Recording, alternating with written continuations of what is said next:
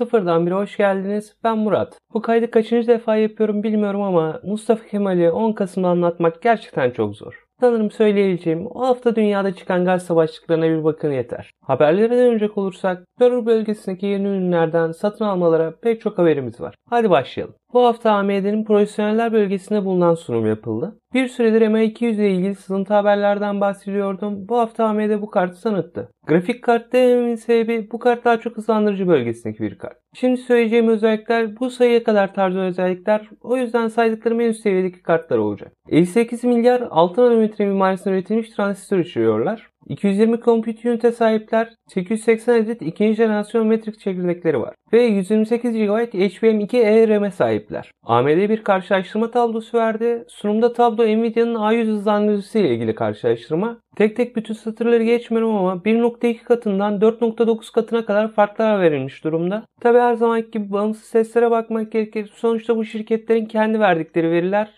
taraflı verilerdir. Bir diğer tanıtılan ürün Milan X işlemcisi. Bu ürün server işlemcisi klasmanında 16 çekirdek ve 32 iş parçacığından 64 çekirdek ve 128 iş parçacığına kadar çıkabiliyor. Hızlar en az çekirdekli versiyonunda 3.05 GHz'den en yüksek çekirdekli versiyonda 2.2 GHz'e kadar çıkıyor. Bu hızları ise en az çekirdekte 3.8 GHz'den en yüksek çekirdekte 3.5 GHz'e çıkıyor. L3 cache belleği ise hepsinde 768 MB. Açıkçası tanıtılan işlemcilere ve hızlandırıcılara bakınca hem Intel'in hem de Nvidia'nın ciddi bir şekilde zorlanacağını söylemek garip olmaz gibi. Intel'in 12. nesil işlemcilerinin yarattığı bir kargaşa var sırada. Olay Gigabyte firmasının Hype isimli overclock uzmanının 8 GHz hız limitini aştığını duyurması.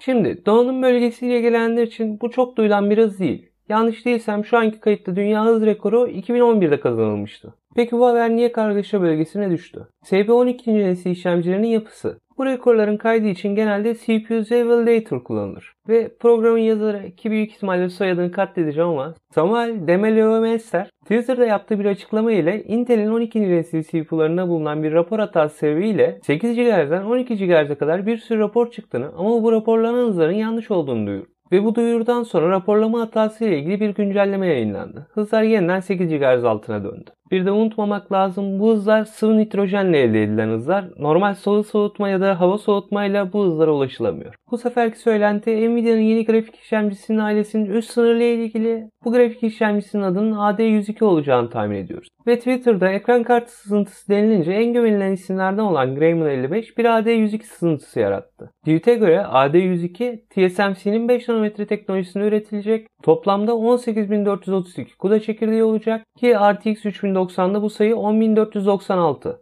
384 bitlik 24 GB GDDR6X RAM'e sahip olacak. Hız olarak ise 2.3 GHz ile 2.5 GHz arasında olacak. Ve bütün bunların monolitik yapıda olan bir grafik işlemcisi üzerinde olacağı söyleniyor. Bir başka bilindik sızıntı yazarı Copilot 7 Kimi'ye göre ise bu kartların çıkış tarihi aralığı 2022'nin 3. çeyreği olacakmış. Bir söylenti daha var. Bu ise AMD'nin son kullanıcıya yönelik ekran kartları ile ilgili. Niye Keynote haberine eklemediğim ise sızıntı bölgesinde olması Haberin kaynağı yine Grayman 55. İlk olarak bu grafik işlemcisi chiplet tarzında olacak. Yani aklınıza Zen 2 sonrası Ryzen işlemciler gelsin derim. Dell ise üretim teknolojisi olarak TSMC'nin 5 ve 6 nanometre mimarlarını barındırıyor. 15360 stream prosesörü ya da çekirdeği olacak ki bunu RX 6900 XE ile karşılaştırırsak tam olarak 3 katına eşit. RX 6900 XE'de bu sayı 5120 idi. 256 bit 32 GB GDDR6 RAM'e sahip olacak. 256 veya 512 MB Infinity Cache'i var.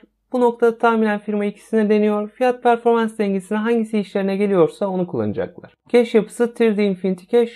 Hız olarak ise 2.4 GHz ile 2.5 GHz arasında olacak. Çıkış tarihi tahmini ne yazık ki yok. Şimdi bu iki sızıntıdan sonra Kötü haber olacak ama büyük ihtimalle şu anki güç üniteleri bu kartları karşılamayacak. EVG'in forumunda paylaşılan bir başlık şirketin uğradığı bir hırsızlığı ortaya çıkarttı. Şimdi ilk olarak olay San Francisco bölgesinde olmuş. Şirketin yaptığı açıklamaya göre San Francisco'dan Güney Kaliforniya dağıtım merkezine yol alan bir tır soyulmuş. Sonuçta şu an için sayısı veya fiyatı açıklanmayan miktarda ekran kartı çalınmış. Açıklamada çalınan kartların kayıt altına alınmayacağı ve garanti kapsamına alınmayacağı eklenmiş. Bu ilk hırsızlık olayı değil daha evvelden 2020'nin sonlarında Çin'de MSI fabrikasından 340 bin dolarlık ekran kartı çalınmıştı. Görüşe göre global çip kıtlığı hırsızlar için de yeni hedefler ortaya çıkartmış durumda. Çin'in en büyük çip üreticisi SMIC'nin Amerika Birleşik Devletleri tarafından ticaret yasağına uygulanan şirketler listesine alındığı açıklandı. Bu açıklamadan sonra şirketin 400 düzey görevlisi görevlerinden ayrıldıklarını duyurdu. Görevlerinden ayrılanlar arasında Co-CEO Liang Mongsong ve Genel Başkan Yardımcısı Chiang Sang-yi de bulunuyor. Gelelim hızlı haberlere. Valve Steam'deki çıkış tarihini 2 ay ertelediğini duyurdu. Sebep olarak ise çip sıkıntısı gösterildi. Unity'nin VFX Tools'un geliştiricisi Veta Digital'i satın alma bir planda da açıklandı. Resmi açıklamada fiyattan bahsedilmezken söylentiler konuşulan fiyatın 1.6 milyar dolar olduğu yönünde.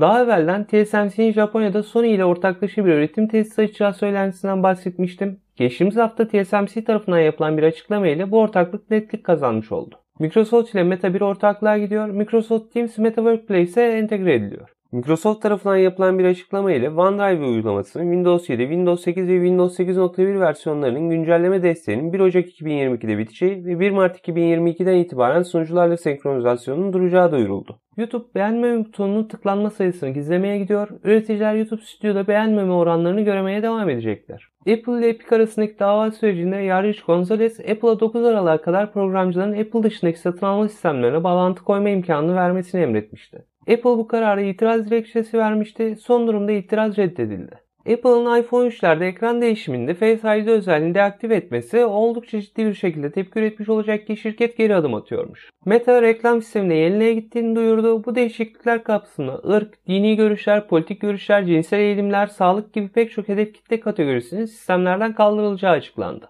Zynga Matt Wolf'u blockchain oyunlarından sorumlu başkan olarak işe aldı. Bu haftanın Epic Games'deki ücretsiz oyunu Tiny Tina's Assault on a Dragon Keep, A Wonderlands One Shot Adventure. Borderlands oyunlarını seviyorum ama yakında oyun ismi yerine hikaye yazmaya başlayacaklar ondan korkuyorum. Bir de oyun içi paket var. O da Rook Campaign Season 4 Epic Pack. Bahsettiğim bütün haberlerle ilgili bağlantıları açıklamalar kısmında bulunan OneTap bağlantısına ulaşabilirsiniz. Bu haftalık benden bu kadar. Eğer bu konularla ilgilenen tanıdıklarınız varsa paylaşırsanız sevinirim. Haftaya cumartesi ben yine buradayım. Beklerim.